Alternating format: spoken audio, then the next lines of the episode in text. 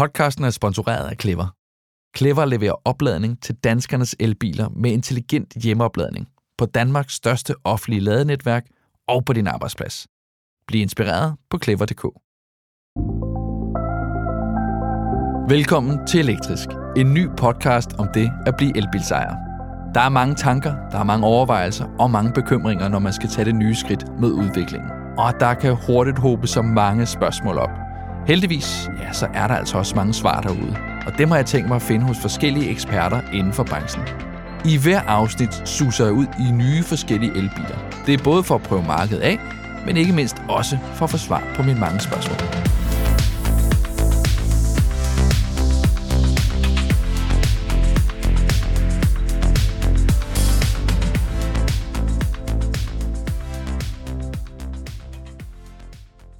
I det her afsnit, der vil jeg grave mig ned i det helt basale. Altså, hvad kræver det egentlig at blive elbilsejer? Er det dyrere eller billigere end de fossile biler, og hvilke bilmodeller er overhovedet spændende at kigge nærmere på?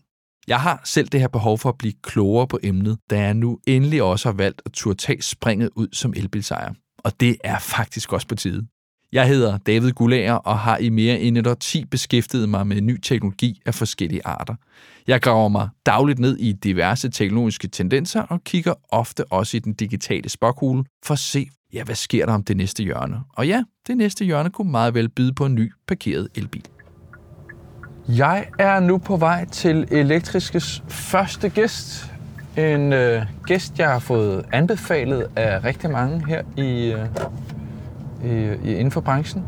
En gæst, der hedder Jan Lang. Jeg kender ham ikke personligt, men øh, jeg er meget spændt på at høre, hvad Jan egentlig har at øh, byde på i forhold til hjælpe mig med at øh, sætte mig op til, hvad jeg skal forvente, hvad jeg skal kigge på prismæssigt, modelmæssigt måske også. Øh, ikke så vigtigt, hvordan sådan, sådan hele forløbet skal være, og alle de der ting. Jan, han øh, har... Øh, Altså, han er en stor bilnørd, har jeg en fornemmelse af, og øh, har en stor viden inden for det her, og siden 97 arbejdet som øh, markedsanalytiker og kommunikationsansvarlig hos Spilbasen. Og til det her afsnit har jeg fået lov af Kia Danmark at låne en øh, Kia e-Niro, som den hedder. Og det er jo en øh, mere gængs, normal, almindelig i gåsøjne elbil. Dermed sagt, at det er jo sådan en elbil, som jeg har i hvert fald set rigtig mange steder.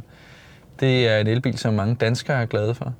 Hvad jeg umiddelbart kan vurdere her, så har vi cirka 350 øh, km rækkevidde. Det er jo okay godkendt. Øh, den kører dejligt behageligt, det må jeg sige.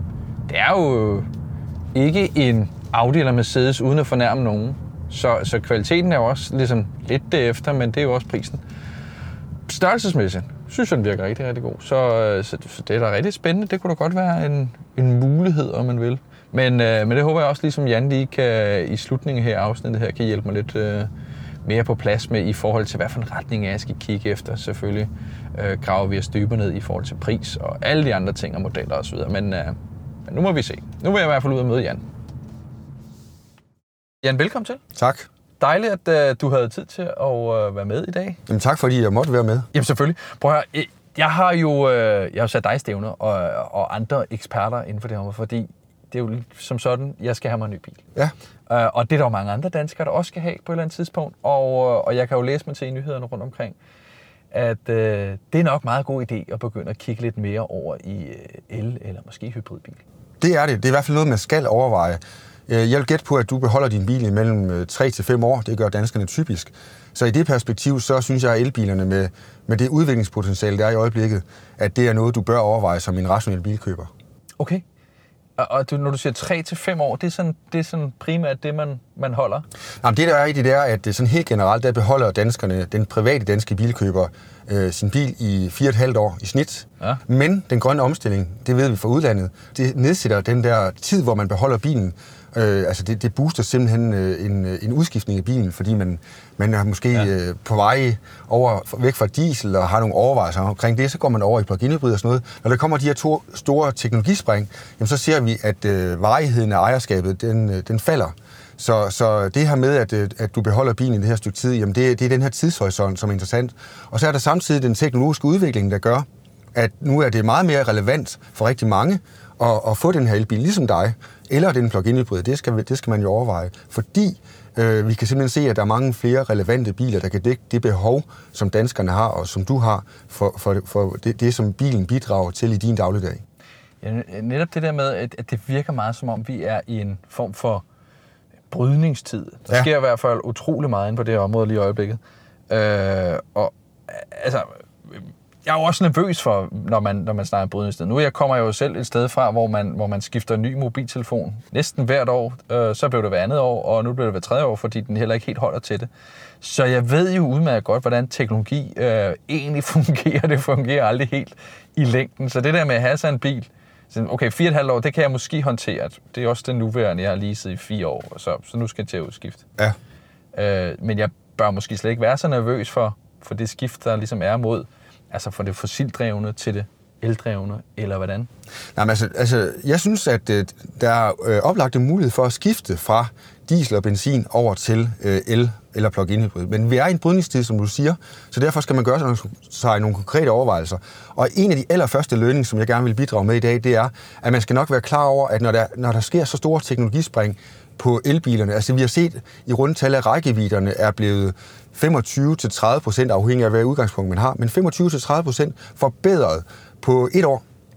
Og samtidig så er øh, opladningshastigheden, det er to af de vigtigste faktorer, altså rækkevidde og opladningshastighed, de er blevet markant forbedret også.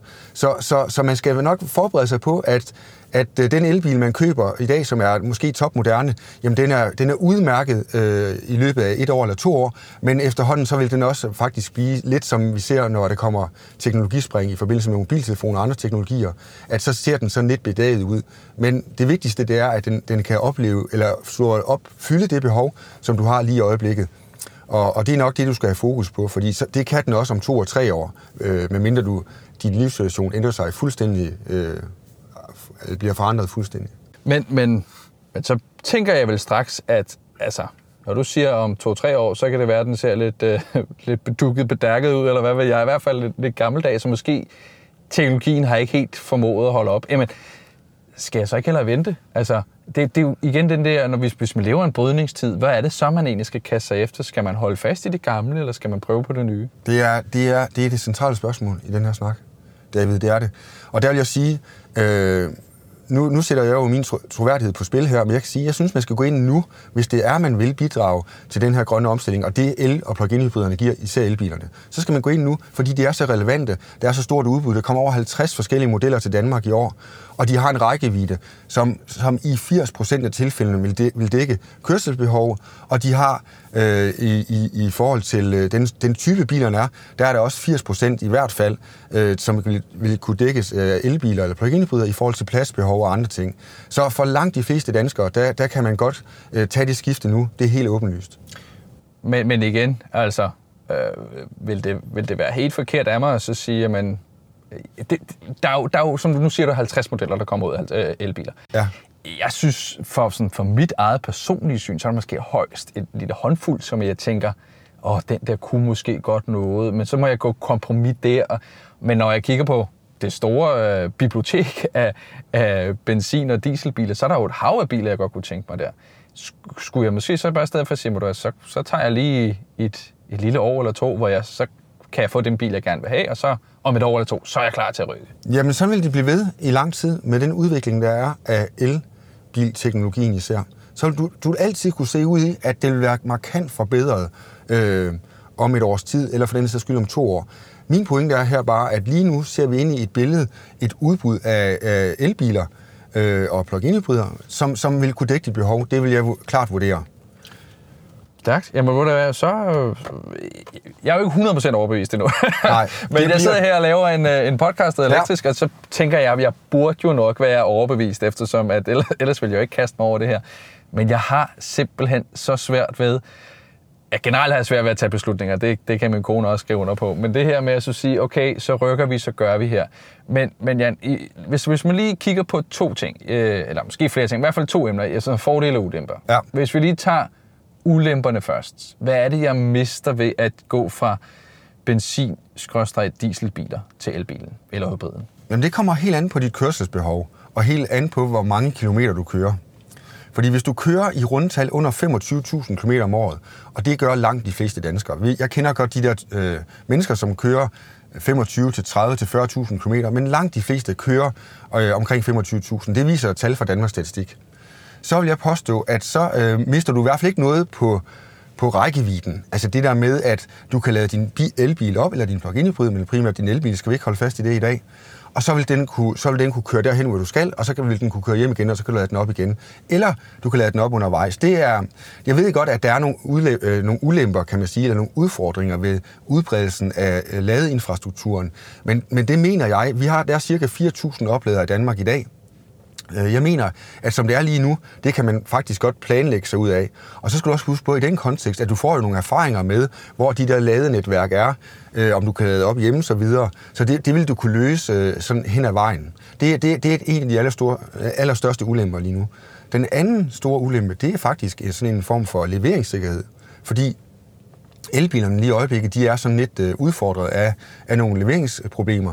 Og det betyder jo så, at, øh, at du skal virkelig overveje, om du kan vente øh, de her to til tre måneder, som det typisk er på at få bilerne. Det kan endda være længere tid på de allermest efterspurgte modeller.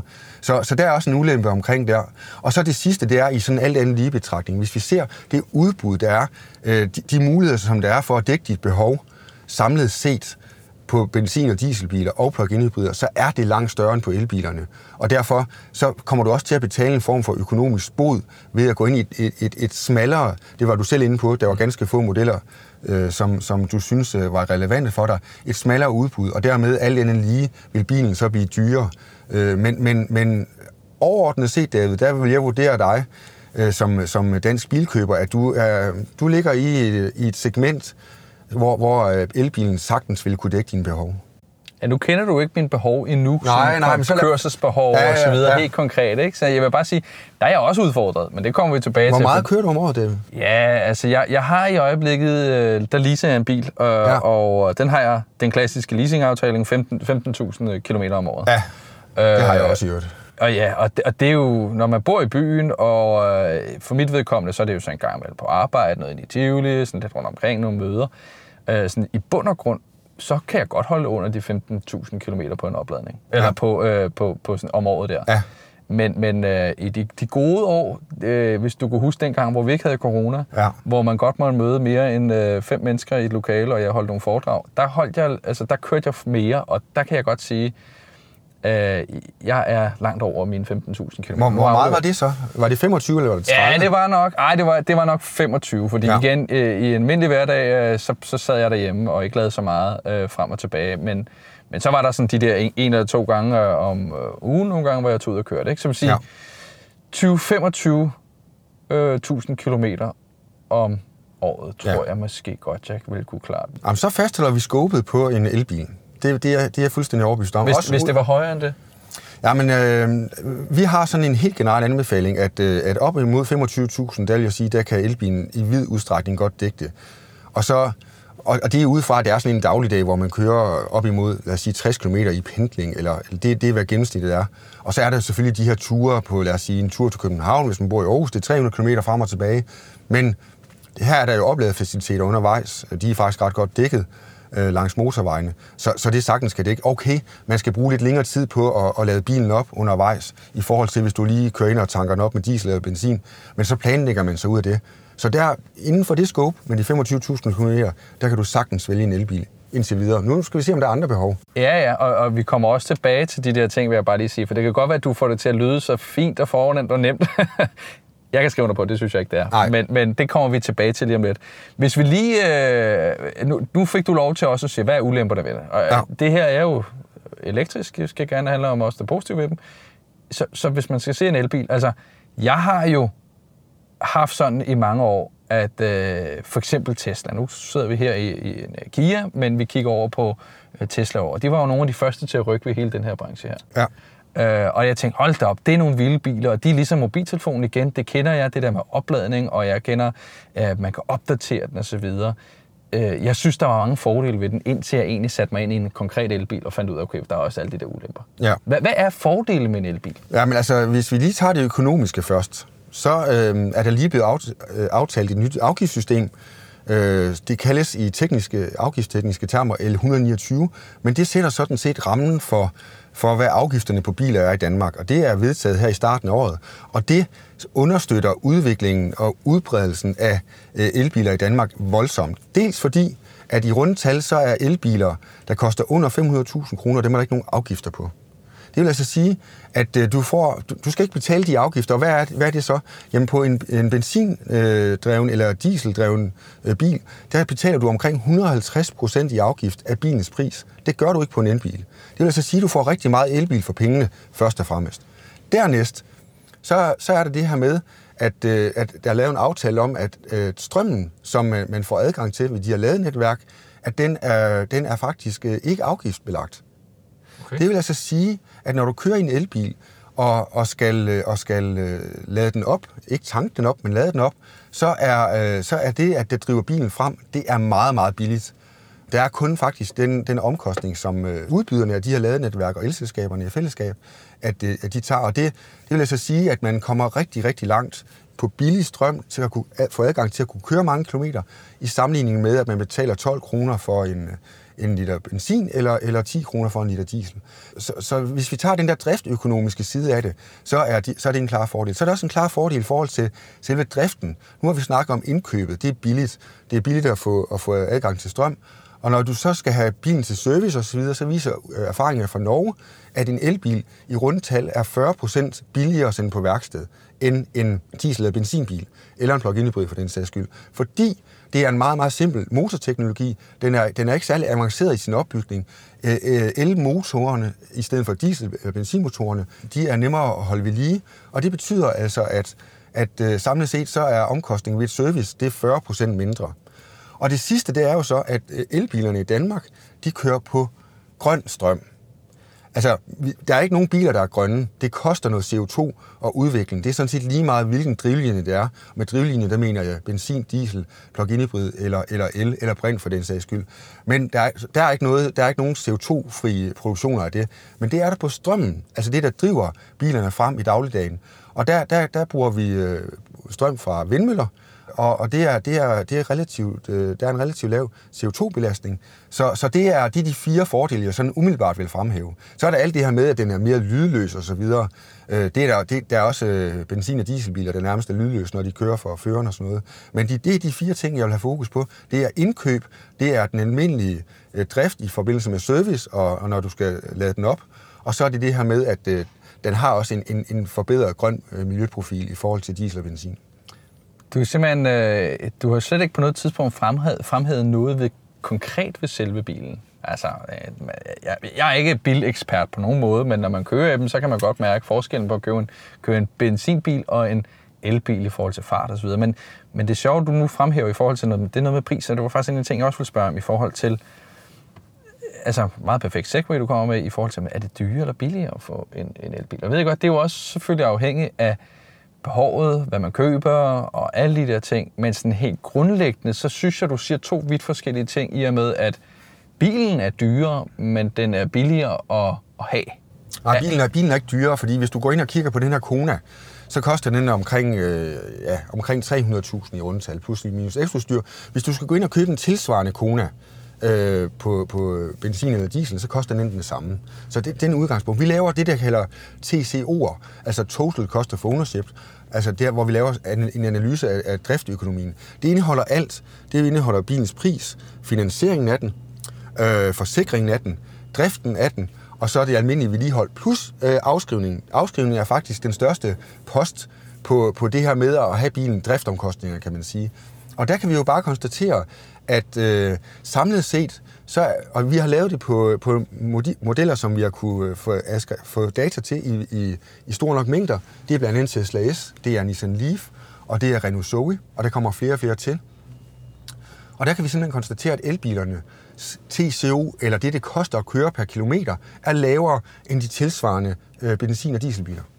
Så det okay. er billigere samlet set lige nu at købe en elbil, køre 20.000 km i den om året, frem for en diesel- eller benzinbil. Men der må jo så også stadig være nogle sådan uforudsete økonomiske øh, omkostninger ved sådan en her. Nogle poster, jeg måske ikke øh, tænker over. Altså fordi med benzinbil, jamen så er der, jeg ved, så køber jeg en bil, så fylder jeg benzin på, og jeg skal ned til noget øh, reparation. Det er sådan, det er det umiddelbare ting. Jeg tænker bare, en elbil, der er ikke nogen... Nu, nu siger du, der er mindre i forhold til vedligeholdelse, og det er lidt nemmere i forhold til øh, skulle øh, betale sig en eller anden form for abonnement, kommer vi også til lige, til lige om lidt, men, men der er ikke noget u, sådan uforudset. Nej, der er faktisk færre uforudsete omkostninger. Altså, der er altid den her ukendte faktor ved, om, om øh, hvor, hvor stor værditabet er. Det er faktisk noget af det, jeg, jeg arbejder allermest med. Det er at, at, at komme med vurderinger og fremskrivninger af værditabet. Øh, fordi det er så stor en faktor, bilerne koster så meget, så det har stor betydning, om den taber halvdelen af sin værdi over tre år, eller den taber 40 procent af sin værdi over tre år. Mm. Øh, fordi biler er dyre i Danmark at have. Grundlæggende er biler meget, meget dyre. Vi bruger øh, rigtig meget af vores øh, husholdningsbudget hver måned på at have en bil, hvis vi har en bil. Og det er også derfor, da, du spurgte mig, hvorfor jeg øh, arbejder med det her, så gør, jeg, så gør jeg det, en af det, der driver mig, det er, at, at det har stor indvirkning på vores dagligdag, hvilke biler vi vælger, og herunder om man skal vælge en diesel- eller benzinbil. Og her kan jeg bare konstatere nu, i øjeblik som det er, at der er, der er der faktisk nogle økonomiske fordele ved at vælge en elbil frem for en diesel- eller benzinbil. Jamen altså hele det her med, med de brugte biler, Jan, det kommer vi også tilbage til i forhold til, er det overhovedet, altså hvad, hvad gør man så, når man køber sig en bil? Fordi det, det er jo også ligesom er scenariet her. Jamen, nu når du siger fire et halvt år, øh, er primært der, hvor danskerne begynder at skifte bil så, så tænker jeg jo straks, jamen, du være, hvorfor skulle jeg så, skal jeg så gå ud og købe noget nu her, når jeg er usikker på fremtiden i forhold til bilen, jamen hvordan bliver den? Bliver den teknologisk forældet, øh, designmæssigt håbløs, og personbanen er også en idiot, der sidder i den. Altså, mange af scener, der ligger op til her. Hvorfor skulle jeg på noget tidspunkt være interesseret i at købe en elbil, og ikke lease den eller lege den eller noget? Jamen igen, altså det er, det er det spørgsmål, som rigtig mange danskere stiller sig, og det er et øh, meget, meget relevant spørgsmål. Skal jeg købe den? Det, det, det koster relativt mange penge at lægge 300.000 kroner ud. De skal finansieres osv. Øh, nu er renten jo meget lav i øjeblikket, så lad os lige lukke den med det samme. Det er meget billigere for sine biler finansieret i Danmark. Mm. Men det er stadigvæk 300.000 kroner, som man skal finde råderum til. Øh, kan man så i stedet for lease en bil, eller, eller, eller, eller på andre måder få adgang til, til bilen, og der vil jeg så sige, hvis vi lige tager leasing lige nu og kigger fra et øh, markedsanalytisk perspektiv, så har jeg ikke set det leasingtilbud på elbiler, som i forhold til, hvad, hvad omkostninger der er ved det, øh, blandt andet finansieringen af den, del, øh, finansieringsdelen af leasingen, som, som matcher et køb. Altså det vil, det vil sige, at når vi udregner de her TCO'er i forbindelse med, at man leaser en bil... TCO'en blev nødt hurtigt ja, ja, det er igen det der total cost of ownership, okay. hvor man samler alle de elementer, der er. Der er nogle fordele ved at lease. Det giver, det giver mindre risiko. Mm. Øh, man er mindre, man, man er mindre øh, øh, eksponeret, hvis, øh, hvis bilerne lige pludselig falder rigtig meget i pris. Det er klart, at hvis man køber en bil, og så de lige pludselig falder rigtig meget i pris, så, så, falder, så stiger afskrivningen, fordi værditabet bliver større. Og det skal man så, hvis man køber bilen selv, afholde. Hvis man leaser den, så er det så leasingselskabets problem, at bilen den falder så meget i værdi. Der vil jeg bare sige, at som jeg ser det lige nu, der vil elbilerne ikke komme til at falde voldsomt i pris. Hvorfor vil de ikke det?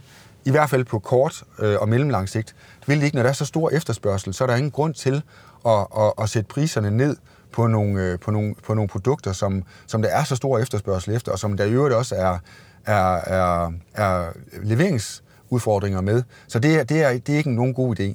På leasing-siden, så kigger jeg rigtig meget på, det, det er typisk med, at man skal lægge en månedlig ydelse, øh, plus et, et ekstraordinært øh, engangsbeløb. Det kender du og jeg, mm. begge to, fordi jeg har leaset siden 2010. Mm. Og, øh, og så skal man så regne på, om, lad os nu sige, at det er tre år, og, og så lad os sige 45.000 km, så skal man regne på, hvad det koster at, at, at lease bilen, altså det, man betaler i de der ydelser, plus øh, en grøn afgift, der er ikke nogen på elbiler, så den, den kan vi godt strege over med det samme. Og så forsikring. Og der kan, der kan jeg konstatere, at forsikringen øh, på elbiler, det er, det er faktisk, det nævnte jeg ikke under de der med ulemperne, men det er, det er faktisk rigtig, rigtig meget. Og øhm, øh, det, det, for eksempel på en Tesla 3, der, der er det omkring 20.000 øh, kroner, det koster om året at, at lease en, øh, en Tesla 3, selvom man faktisk er elitebilist. Hvor, hvorfor? At det burde det være den det, kører, kører næsten af sig selv. Ja, nej, men det, det, det, der ligger i det, det er faktisk, at, øh, at det, er en, det er et andet kørselsmønster. Øh, nu talte jeg om, at elbilerne de er billige at holde, at holde til service, men, men, øh, men de er faktisk ret dyre at sende til reparation. Så når der sker et uheld, så, øh, så koster de, de væsentligt mere, end, øh, end øh, de, de traditionelle biler koster. Øh, hvad hedder det? Reservedelen til, til, reservedelen til dem er noget, noget dyrere. Og det betyder altså, at den øh, risiko skal forsikringsselskaberne jo indregne. Så derfor koster, øh, koster en Tesla 3 til omkring øh, 450.000. Den koster 20.000 kroner, hvorimod hvis du tager en tilsvarende BMW 320i til omkring 450.000, jamen som elitebil, der du kan få den til omkring 7.000 om året. Så det var faktisk en af de ulemper, jeg ikke lige nævne, det skal jeg beklage. øh, men for lige at vende tilbage til det her, jeg har ikke set på det danske marked, og jeg vil våge den påstand, jeg har rimelig godt overblik over det, nogle leasingtilbud på elbiler, der sådan set gør, at, at man, skal, man skal foretrække leasing i et økonomisk perspektiv, frem for at købe den. Men, men hvorfor egentlig, eftersom det er så dyrt med en forsikring, og de er relativt dyre også erhverv, og jeg er ikke sikker på, nu siger du godt nok, ah, men der kommer til at være stor efterspørgsel til den, øh, men, men, men, men det ved du af gode grunde ikke. Øh, det kan jo være lige, i, lige rundt om hjørnet efter sommeren, så finder det ud af en ny løsning for at lave det vilde batteri, og det kommer ud øh, dagen efter. Ja. Ja, bare for at sige det vildt. Ja. Og så står man der med sin håbløs gamle bil. Der, der er bare meget, der, der tegner på, jamen, at det er simpelthen for usikkert, og det, det er for dyrt, men, men det siger du simpelthen. Jamen, forsikringen skal man jo stadigvæk betale, uanset om man lease eller køber. Ja, det er klart. Så den, den, går også i nul, kan ja, man sige. Nej, altså det, når, når jeg indregner den der månedlige ydelse, altså det vil sige, mm. lad os sige 4.000 kroner for en kone, gange med 36 plus engangsydelsen, mm. så når vi jo op i beløb på omkring, skal vi sige, mellem 180 og 200.000 kroner. For en bil, der koster 300.000 kroner, mm. så, skal du, så skal du kigge på, hvad den er værd om tre år. Og der er min påstand, at hvis vi, vi siger, at konen koster 300.000 kroner nu, så vil, vil den være i hvert fald mellem 120 og 150.000 kroner værd. Og derfor kan den i det økonomiske perspektiv ikke betale sig af leasen. Det er simpelthen for dyrt okay. at leasen. Det, det, det, er sådan et, øh, det er en opregning af, af, af forholdet mellem øh, de faktorer, der gør, at man skal lease eller købe. Og samlet set, der vil jeg altså våge den påstand, at øh, der vil man i hvert fald kunne tjene på, på, på leasingen af en Kona, øh, undskyld, på købet af en Kona i forhold til leasing, der vil man have omkring, øh, om, omkring 20-30.000 mindst øh, i hånden øh, som ejer efter tre år sammenlignet med leasing. Ja, det er lidt irriterende, du siger det. Ja, det, det kunne vi godt lige have snakket om inden her, for det var jo lige præcis, jeg havde jo, jeg har jo leaset indtil nu, ja. og jeg synes, det er så dejligt nemt. Det er, ja. det, og det kan godt være, at det er dyre, men, men det er jo også fordi, jeg, var, jeg vil også godt have en, en ny bil ret tit. Ja.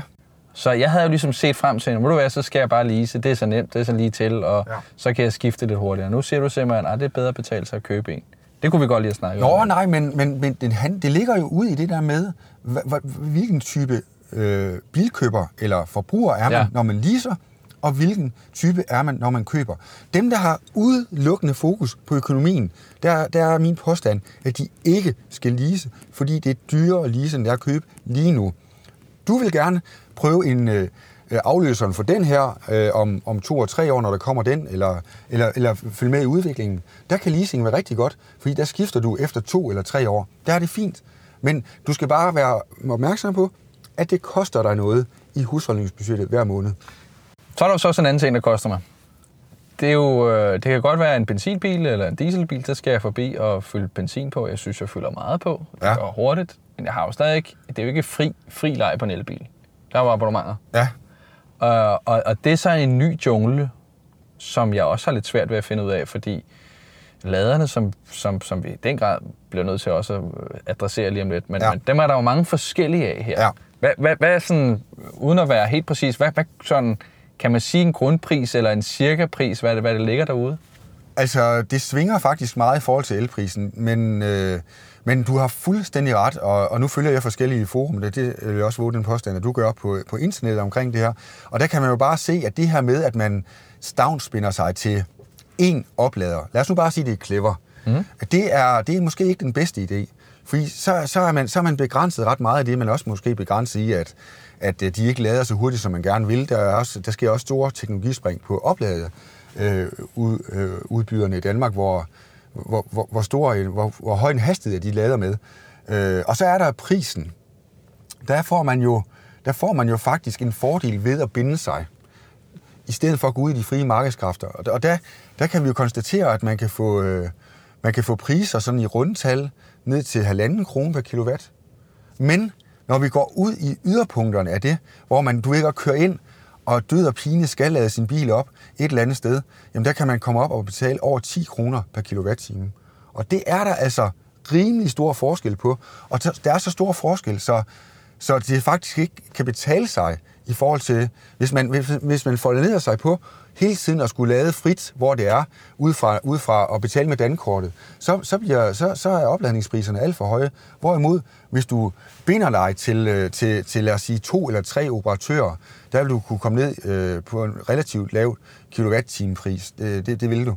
Men, øh, men altså, jeg, jeg kender jo øh, ejere af elbiler, der har øh, op til otte brikker i deres, i deres nøglebund. Nå, okay. Og så er der en til Ionity, og så er der en til Clever, så, og, og, og, og så hele vejen hen er ikke. For at hele tiden kunne være, kunne være, kunne være fri af det der med, med at, at, at være bundet op på et ladenetværk. Og så vil jeg sige, at det jeg kan se lige nu, der er, det sker i øvrigt øh, i vid grad i udlandet, det er, at man, man får sådan nogle, der, sådan nogle hops, altså opladningshops, øh, operatører, der, der laver aftaler med alle på tværs, og så har man kun én brik, men så kan man til gengæld få adgang til, lad os sige, mellem, mellem 5 og 10 netværk, og det er også på vej i Danmark.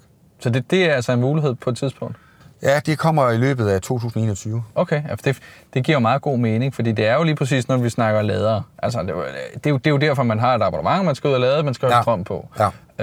Øh, sådan hjemmeladning kontra ladning på farten. Ja. Øh, det virker jo som om, at øh, nu bor jeg selv i hus, men, ja. men nu holder vi pt. inde i øh, byen, Christianshavn, og jeg kan se, der er øh, mange øh, elbiler der, som holder foran os.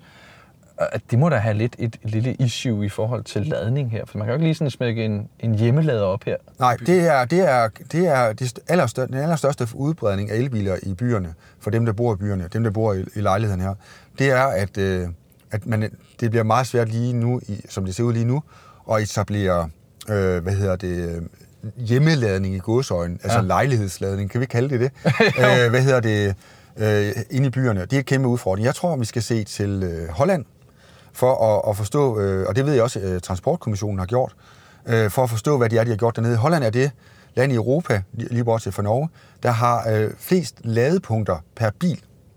Og de har altså, altså virkelig taget tyrene ved hårene og, og, og udbredt øh, ladningspunkter i byerne i en grad, som vi slet ikke har set i Danmark endnu.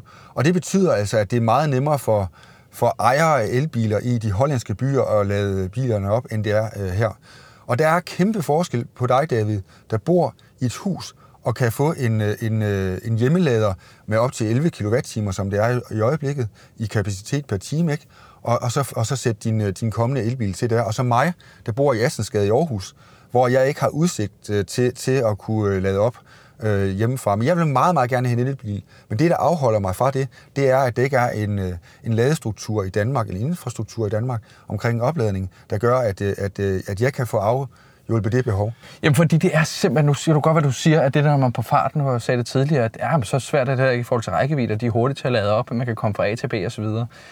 Men, men jeg føler lidt, at vi snakker inden for det sidste halve år, er snak omkring elbiler blevet mere altså, intensiv. Der er flere elbiler på markedet. Det virker som om, der er blevet solgt rigtig mange sidste stykke tid. Specielt hvis jeg kigger på Model 3, er der rigtig mange af. Øh, og, og det virker bare som om, at sådan selve laderne er ikke rigtig helt fuldt med. Der er stadigvæk nogle hurtiglader rundt omkring, men, men lad os bare sige det så meget, at der står én per sted, ikke? Ja. og så skal jeg kæmpe om dem. Ja. Og så og... ude på motorvejen er måske flere, men, men, men i mit nærområde, øh, jeg har ikke selv en lader derhjemme endnu, men hold nu op. Ja, ja, ja. Nej, og men, fordi øh, øh, taxaerne har jo også elladning, ikke? Altså, jo. Og, altså, det er jo det er et kæmpe problem. Altså, øh, den vilde vesten, ikke? Altså, det, det, det er det lige nu, øh, og, og, og det er jo et marked, der udvikles, og man skal, man, man skal lade markedet udvikle det. Jeg er ikke bekymret ud fra, hvor mange elbiler der er i Danmark, og hvor mange ladepunkter vi har, og, og, og udvikling af det her. Det, det, det, det er noget, der skal være rigtig meget fokus på, det er du fuldstændig ret i. Men vi er et lille land, hvor at der øh, fra Skagen til København er omkring, lad os sige, 550 km. Og det er det. Og så kan du køre på, så kan du køre på tværs fra Esbjerg til København og så videre og komme over på en opladning. Det, det, det, vi er et land, hvor en ladeinfrastruktur øh, faktisk meget hurtigt kan, kan, kan blive opbygget. Det er ikke som i Norge, hvor der er 2.000 km fra, fra syd til nord og så videre, og, og, med, og med bjerge imellem det hele og sådan noget, nogle kæmpe udfordringer. Vi er et lille land. Jeg, jeg vil gerne sammenligne os med Holland. Fordi det er, det er et sted, hvor, der, hvor vi bor på et relativt begrænset område. Vi bor i nogle metropoler, der bærer rigtig mange andele af indbyggerne, og der vil, der vil vi kunne opbygge en fornuftig ladeinfrastruktur øh, på kort sigt, og det her mener jeg inden 2025. Så inden 2025 skal man ikke være bange, øh, hvis man heller bor i byen, øh, og har mulighed for at kunne få ladt sine biler op? Nej, altså udfordringen er, øh, også som jeg var inde på lige før, det er København, øh, Odense, Aalborg, mm. Esbjerg med, med opladepunkter. Det, det er det. Og hvis der var nogle byer, jeg har glemt her, så skal jeg beklage. Men, øh, det er nej, der altså, det, det, det, det, er, der er udfordringer i det, det er det. Men, men når jeg ser, hvad der er på vej, hvilke investeringer, der er på vej, hvil, på hvilken måde øh, staten understøtter de investeringer i, øh, i infrastruktur, øh, tilgang, den analytiske tilgang, som blev lagt frem i, i Transportkommissionen, så er jeg ikke bekymret. Nej, det, det siger du, men, øh, men jeg står altså over for et, et, et, et køb nu her, ja. øh, og gerne inden for et par måneder. Ja. Men er man for tidligt ude på den her brydningstid? Er det simpelthen, skal jeg vente lidt? Nej, det skal du ikke. Du skal, du skal, du skal udnytte det nu. Du skal udnytte, at, mm. Øh, der kommer, at, øh, at, øh, der kommer et, et hav af interessante elbiler. Og, og for den sags skyld på genudbryder, hvis ikke, hvis ikke, hvis ikke elbilen kan dække dit behov. Og, og, så, og så også komme ind i det her med og, og, og danne dine egne erfaringer med det. Nu er du jo øh, meget teknologifokuseret, og det, det er... Så du vil få masser af har-oplevelser rundt omkring de her de elbiler. Konan, som vi sidder i nu, det er til... Nej, det er en Kia. Det er en Kia dog. Ej, Kia Enio. Enio, som vi sidder i nu, den, er jo, den, den tilhører faktisk den for, forrige generation. Lige om et øjeblik, der bliver, der bliver den afløst øh, af en ny generation af elbiler fra Kia mm. øh, og deres søstermodeller fra Hyundai. Skal jeg beklage, Kia, det er ikke lige spottet det. Hvad hedder det? Men, øh, men, øh, og der vil jeg sige, at, øh, at øh, jamen, den her den er fin, men den næste, den bliver jo bare, de bliver bare endnu vildere, altså i opladningshastighed og muligheder. Jeg er ikke så begejstret for det der med, at de har sindssygt mange hestekræfter og kan accelerere fra 0 til 100 på 3 sekunder, det har jeg ikke ret meget fokus på. Mm. Jeg, jeg har rigtig meget fokus på opladningshastighed mm. og, og rækkevidde. Og, og lige præcis opladningshastighed, altså fordi det er jo også en ting i forhold til, jamen, øh, skal der være mange ladere, eller skal der være hurtige ladere? Jamen. Altså hvis, hvis, hvis nu der bare var færre lade her i byen, men det tog ikke mere end 10 minutter, så vil det jo være et større, øh, eller mindre problem i dag i dag. Jamen det er, det, igen er det et virkelig godt spørgsmål. Altså jeg mener, der skal være mange, rigtig, rigtig mange hjemmeladere. Jeg mener, det, det, det, der, der ser bilimportørerne og udlejnings, øh, undskyld, hvad hedder det, opladningsselskaberne rigtigt i, når de tilbyder øh, meget fornuftige priser, øh, både for installationen og for, og, for, og for driften i det daglige af de her hjemmelader. Rigtig mange af dem. Så mange som muligt. Og så skal vi fokusere på opladningshastigheden, og det, det er jo konkurrenceparameter for, for, for opladningsselskaberne. Altså, nu klæver de var først med, øh, med lynoplader i gamle dage. Lynopladerne i gamle dage, det var 50 kW. Øh, jeg har, jeg har lige øh, opladet en Audi e-tron GT med, med 200 kW, og det er altså sige fire gange så hurtigt i, et bredt øh, spektrum af opladningshastigheden hos dem. Mm. Og, og så, så, så hvis jeg skal anbefale nogen, nu er jeg jo ikke ekspert ud i det, men hvis jeg selv skulle bestemme, så vil det være rigtig mange hjemmeladere og, og fokus på, på, på hurtigladere. Altså den, de mest moderne hurtigladere. Mindst 150 kW i, i, i udladningen. Og 150 øh, kW, så betyder det, at man kan lade 0-80 øh, på 20 minutter, ikke? Ja, i, i stedet mellem 20 og 40 minutter, afhængig af, hvilken, øh, hvilken bil det er, man, man sidder i, der, der vil man kunne få dækket en, en stor del af, af dens rækkevidde. Altså, jeg har prøvet mange forskellige elbiler, øh, både fordi jeg har lavet øh, elektrisk sammen med Rasmus Brohave, som ja. på YouTube, nu har ja. jeg så overtaget over på podcastmæssigt. Prøvet mange forskellige elbiler. Ja. Og øh, den der snakker om, at man, det tager 20 minutter, og så er du videre, den har jeg ikke oplevet nu. Nej. Jeg har ikke oplevet at sætte mig ind nu, så 20 minutter. Så er der minimum været en halv time til en time. Ja. Altså. ja. Hvad når du kan ind på en... Øh, har du prøvet Porsche Taycan? Nej, ikke endnu. Hvad, hvad med nogle af, de, nogle af dem, der kan sådan oplade rigtig hurtigt, lad os sige, ja, dem, dem glæder mig nemlig til at prøve. Ja, ja, fordi der er noget særligt ved at prøve øh, at køre ind til en Ionity-oplader, øh, som stort set kun er ved motorveje. Og så, og, så, og så sætte den i, og så se, at den trækker 200 kW, øh, og man kan se, at der er, der, er, der er væskekølede kabler og sådan noget. Det er en ret vild oplevelse. Og så skal man bare tænke på, i en Taycan, øh, når det kører fuldstændig vildt, så er det 350 kW. Så går det altså hurtigt. Ja, nu er det jo, det her er jo en clever sponsoreret podcast, skal det sige. Ikke ja. Kia eller noget andet, men, men, men det, det må jo som være, som det er. Der er jo, der er jo et, et, øh, en kamp ude på markedet. Jamen, Clever er også på vej. Fuld respekt for dem. Ja, men, men igen, vi hører jo det der med, at folk er på vej, og der, der, der sker noget lige om lidt. Og, og nu sidder vi her i, øh, i den her Kia, og jeg, som, jeg, som jeg også siger, øh, jeg sagde på vej ud til dig, var jeg sådan, jamen, den kører dejligt. Øh, der er bestemt ikke noget der, og størrelsesmæssigt passer den også godt til mig. Jeg er mig og min kone, og vi er to børn. Så, kigger de bagud. Det, det, det, altså, jeg sidder fint, men, men igen, jeg har en lille smule fornemmelse af, at det er lidt plastik, ikke? Altså, Nå, det, jo, men det, det, det, minder også... mere om min Nissan Qashqai, det her, så, og jeg vil jo gerne prøve noget, noget der var mere specielt. Jamen, men... jamen David, jeg er glad for din utålmodighed. Bare rolig, bare, bare, vent, bare vent og se. Nu, kan, nu kommer der et, en bred vifte af øh, premium-mærker, altså Audi, øh, Mercedes, øh, BMW og Volvo, øh, Polestar kommer osv., hvor du kan få den der lidt bedre fornemmelse. Og ved du hvad? De koster lige omkring 100.000 mere, end den her gør. Men det sjove er, at det virker også som om, at det her er så meget det vilde vesten, og så meget en brydningstid, at de, de bilmærker, som vi normalt måske vil, hvis man var virkelig bilfanatiker, øh, så må ja. man måske ringe lidt på næsen af, uh, det er en Kia eller den Hyundai.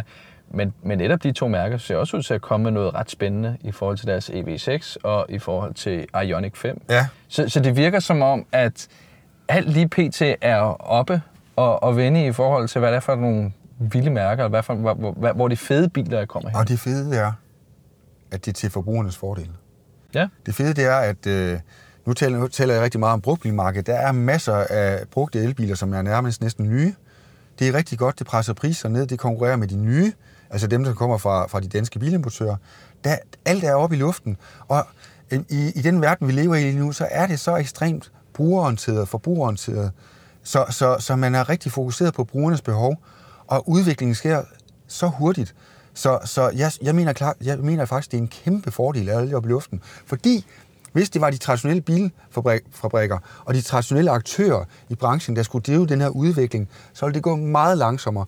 Nu ser vi nogen, det, det er Blue Ocean i det her, i, i sådan et øh, uh, forretningssprog, øh, øh, uh, uh, det er Blue Ocean. Der sker utrolig meget af det her, og det er det vilde vesten, og konkurrencen er knivskarp. Der sker, der sker noget for, jeg vil sige, nærmest hver uge øh, på den her front, og det hele, det er til forbrugernes fordel. Det lyder da fedt. Så, så vi lever simpelthen det, den tid, hvor det bare, det, det er næsten kun, øh, kun være en fordel at kaste sig ud i det her. Jamen, det altså, synes jeg. Når man er ude og kigge efter en ny bil, og, og specielt elbil, ja. øh, hvor man måske før, øh, hvis man var en, en specifikationsmenneske, der gerne kigge efter det, hvad skal man så kigge efter elbiler? Hvad skal man fokusere på? Hvad skal være højt? Hvad skal være lavt? Jamen, altså, vi har faktisk spurgt danskerne omkring det her i, øh, i en undersøgelse, der hedder Grønne Bilkøbere, som vi lavede efter Transportkommissionen udkom med deres delrapport 1, der i, i slutningen af øh, oktober sidste år. Og det, de har fokus på, det er nøjagtigt det samme, som når de køber diesel- og benzinbiler. Altså, om de, de basale behov er dækket. Det er det første. Det, det vil altså sige, om, om der er det pladsbehov grundlæggende, om bilen kan leve op til det, der trans, det transporten giver dem i dagligdagen, øh, om der kan være en odderbarnevogn i bagagerummet osv. Mm. Det er det første. Det næste, det er faktisk den grønne omstilling. Mm. Det er, om, om, om bilen bidrager til det. Øh, og, så, og så er der faktisk også det her med prisen, den kommer ind på en tredje plads. Man er faktisk berat til at bidrage til den grønne omstilling, selv hvis elbilen er dyrere, både i indkøb og i daglig drift. Og der, derudover, så kommer de tekniske ting, altså inde på fjerdepladsen. Det, det kan godt være, at man har de samme overvejelser inde på, på plads nummer et omkring basale behov, men rækkevidde og opledningshastighed, det, det fylder ikke så meget i, de, i, i svarene fra de over 1000 øh, respondenter, vi havde i den undersøgelse. Så, så det er sådan set de fire prioriteter, som, som bilkøberne har. Og det, øh, det, det synes jeg er meget interessant, fordi nu, nu du, er, du er meget teknisk orienteret, Øh, og det, det, er, det er der rigtig mange bilkøbere, der er. Dem, som køber en elbil, de bruger over 20 timer på at researche på internettet, før de vælger bil. Det er 6 timer mere, end hvis man køber en diesel- eller benzinbil. Ja, og nogen begynder også at lave en podcast og være helt håbløse. Ja, ja, ja. Og, og, og når jeg snakker med bilforhandlere og bilimportører, så siger de, at de ved mere om de biler, de køber, end, end, end sælgerne og, og produktspecialisterne ude, i, ude i bilforretningerne gør det, der findes næsten ikke noget værre end bedre vidnede køber, tænker jeg. Nej, de er i hvert fald svære at løbe om hjørner med. så nej, altså... Øhm, jeg, jeg, synes, at øh, jeg synes, det, man skal have fokus på, øh, det er selvfølgelig, om, om, om den kan bære det, man, man byder den i dagligdagen i forhold til plads. Og så kan man godt begynde at overveje det der med øh, rækkevidden. Altså, der vil jeg så sige igen, vil jeg fastholde. Ifølge Danmarks Statistik, så kører over 80 procent af os øh, omkring 60 til 80 km om dagen, og det kan elbilen sagtens dække. Jeg, jeg læste, at øh, en almindelig dansker bruger næsten 6 døgn i en bil på et år. Ja, men hvis han bor i København, så kører han ikke så mange kilometer, som hvis han bor i, i Frederikshavn. Nej. Og så er der en, en anden sjov ting, øh, fordi vi følger hele tiden i, i vores data på bilbasen, der følger vi hele tiden, hvor mange de her biler, de kører. I 2018, der kørte en elbil 9.000 km om året i snit. Okay. En bil kører i snit omkring 18.000 km, dieselbilerne kører længere end benzinbilerne, og i år kører en elbil 13.000 km i snit om året. Nå. Så det, det er nogle af de der data, fordi vi får jo ind, vi kan jo se, hvis den har kørt i tre år og kørt 39.000 km ergo, så er det jo så 39.000 i snit. Er det ikke den forkerte vej i forhold til den grønne omstilling? Nej, fordi de kører mere og mere elbilerne, og dermed bidrager de mere og mere til den grønne omstilling. Der er flere og flere af dem i øvrigt også. Jo jo, men, men øh, hvis, der, hvis der er rigtig mange af dem, og de kører endnu mere, så går det vel. Ja, men vi skal regne med, at der kommer til at være rigtig mange af dem, ja. og at de kører mere og mere. Okay. De first, first movers omkring elbiler, der var det måske bil nummer to i husstanden, og, mm. og, og, og man brugte den på en anden måde, og i øvrigt så var rækkevidden også begrænset i forhold til det. Så jeg, jeg betragter det som en naturlig udvikling, at de er gået fra de der cirka 9.000 til, til om, omkring 13.000 på tre år. Så, så vi går altså en verden møde med flere elbiler, flere vidende elkøbere. Hvis du sådan her til sidst, Jan, øh, nu, nu har du ikke en elbil nu, men du, du kigger lidt på det også, ja. og selvfølgelig nogle praktiske omstændigheder, som gør det. Hvis du skulle vælge en nu her, hvad skulle det så være? Ja, altså, det er et godt spørgsmål, og øh, jeg vil vælge en, en Ioniq 5. Ja? Hvorfor? Jamen altså, jeg synes, den har hele pakken. Jeg synes, at den er, det er en pæn bil, det går jeg ikke så meget op i. Det er Hyundai, skal det siges, ja? Ja, det er en Hyundai, ja. Mm. Øh, det, kunne også, det kunne også være søstermodellen fra, fra Kia. Ja. Øh, men, men jeg synes, at den har øh, en, en lang rækkevidde. Jeg vil altid, øh, i forhold til mit bilbudget, i forhold til købet af elbiler, der vil jeg altid optimere rækkevidden. Fordi øh, jeg kører mange kilometer mellem øh, Aarhus og København, så derfor har jeg meget fokus på rækkevidden. Og dernæst øh, opladningshastigheden. Og det, der synes jeg, at for de der cirka 400.000 kroner, som øh, Ioniq 5 i den model, jeg kigger på, øh, bidrager med, der ser den rigtig spændende ud. Når det så er sagt, så synes jeg, at der er rigtig, rigtig mange spændende biler, blandt andet fra premiummærkerne, til omkring 400.000. Det kunne være Ford Mach-E. Ja, øh, Mustang. Jeg, ja, ja, lige nøjagtigt. Den, den, øh, den ser også interessant ud. Jeg synes, at øh, BMW kommer med, øh, med en rigtig fin elbil lige om et øjeblik. Jeg synes, øh, øh, hvad hedder det, øh, Audi Q4 e-tron, den er også et godt bud. For 430.000 får du en virkelig god bil med, med lang rækkevidde. Så, så hvis jeg skulle vælge en ny øh, bil, så ville, det, så ville det blive Ioniq 5. Hvis jeg skulle vælge en brugt bil, så ville jeg kigge på sådan en som den her, en Kia mm. eller den tilsvarende Hyundai. Fordi øh, vi kan simpelthen se, at de har ikke kørt ret mange kilometer, og de, er, de har stadigvæk en, øh, en, øh, en, garanti, en fabriksgaranti på fem år for, øh, for Hyundai og for syv år for Kia, og det synes jeg giver mig noget tryghed. Og så synes jeg, at, øh, at på brugtbilmarkedet, der får man om, for omkring 200.000 rigtig meget øh, øh, relativt ny elbil øh, med en re, relativt fornuftig øh, teknologi øh, øh, øh, i, for, altså i en øh, Kona eller en Enio. Må der være, Jan, øh, du skal have tusind tak for at øh, være med her. Jeg sidder i en øh, lille Kia, kigge ud på PT en, øh, en grå maj-dag, men øh, der kører rigtig mange elbiler omkring os, vil jeg bare sige. Så jeg kan jo se, at alt det, du snakker om, det giver jo meget god mening. Vi er på vej, der, og hvad jeg hører også dig sige, så, så virker du næsten lige så begejstret for fremtiden for, for de her muligheder, som jeg gør. Ja, ja. Mindst lige så meget i hvert fald. Ja, bestemt, det er Så, øh, så der kommer til at være meget mere af det her. Vi graver os meget dybere ned i det. Ja, tak for det. Elektrisk var produceret af Jakob Ranum. Jeg hedder David Gullager, og hvis du har nogen spørgsmål, kommentarer eller andet, så er du velkommen til at sende mig en mail på info eller finde mig på de sociale medier, hvor jeg bare går under navnet David Gullager. Tak for lån af bil til Kia Danmark, og også tak til dig, fordi du lyttede med.